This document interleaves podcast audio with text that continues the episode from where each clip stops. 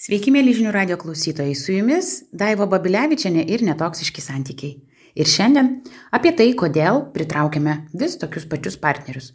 Tai ypač yra aktualu, jeigu jūsų santykiai nėra ilgalaikiai, vis surandate antrąją pusę ir vis atrodo, žmogus tampa toks pats, kaip prieš tai buvęs partneris, arba pats susiduriu su tokiais pačiais sunkumais, kaip susidurdavau anksčiau. Tai vyksta todėl, kad netliekam namų darbų. Tai yra lieka neišmoktos pamokos.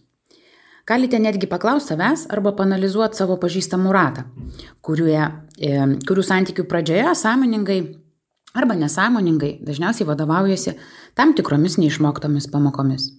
Pavyzdžiui, viena iš jų gali būti tai, kad asmo labai bijo likti vienas, vienišas ir kuo skubiau, kuo greičiau trokšta susirasti antrą pusę.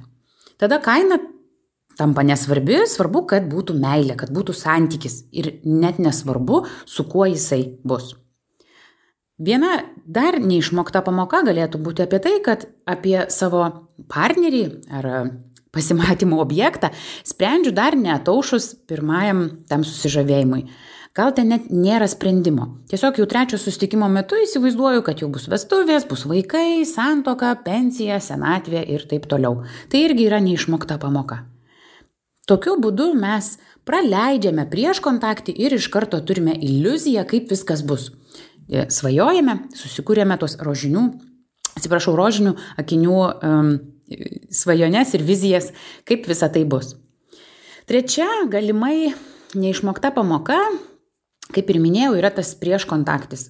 Kad susipažinčiau su tikruoju veidu, pažinčiau asmenybę, jo gyvenimo patirtis ir duočiau savo laiko įvertinti, ar šis žmogus man tinka, Viduje tiesiog džiaugiuosi, kad mane pasirinko, pasirinko kabutėse aišku. Tiesiog džiaugiuosi, kad pagaliau esu nebe vienas, ne viena ir stengiuosi padaryti viską, kad tik tą žmogų išlaikyčiau šalia. Kartais tai pasireiškia perteklinė meilė ir globa, o kai kuriem tai gali pasireikšti paranojiniu kontroliavimu, kai darau viską, kad tik neprarasčiau to į savo naujojo meilės objekto.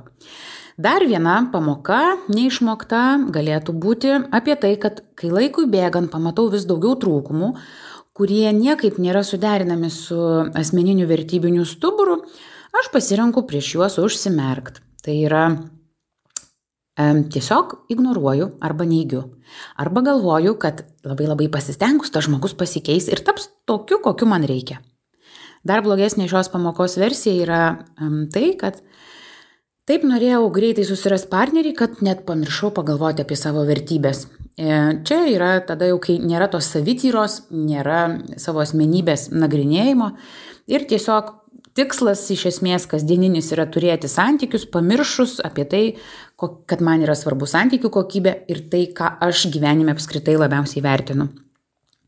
Na, o um, tiesiai einant nuo pamiršimo apie savo vertybės, jeigu nekartojate jūs tų pačių neišmoktų pamokų, tai viena iš pagrindinių pamokų, kurią turime nuolat lankyti, jeigu tai būtų mokykla, įdant sukurtumėm darnius santykius, tai yra nepamiršti, kad santykis su savimi, tai yra savivertė, savigarba ir savistaba, yra toks pat svarbus kaip santykis su kitu.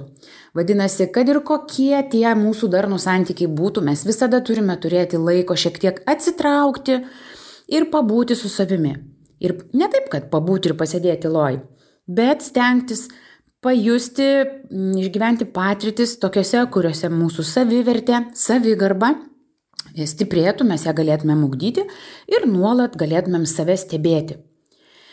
Tai kai galvojame apie tų pačių santykių klaidų arba labai panašių partnerių pritraukimą, Tai tikrai galiu patikinti, nieko mes nepritraukiam, neturime mes to magneto viduje, tiesiog mes tikėtina esam neišmokę pamokų arba mus traukia pažįstami dalykai.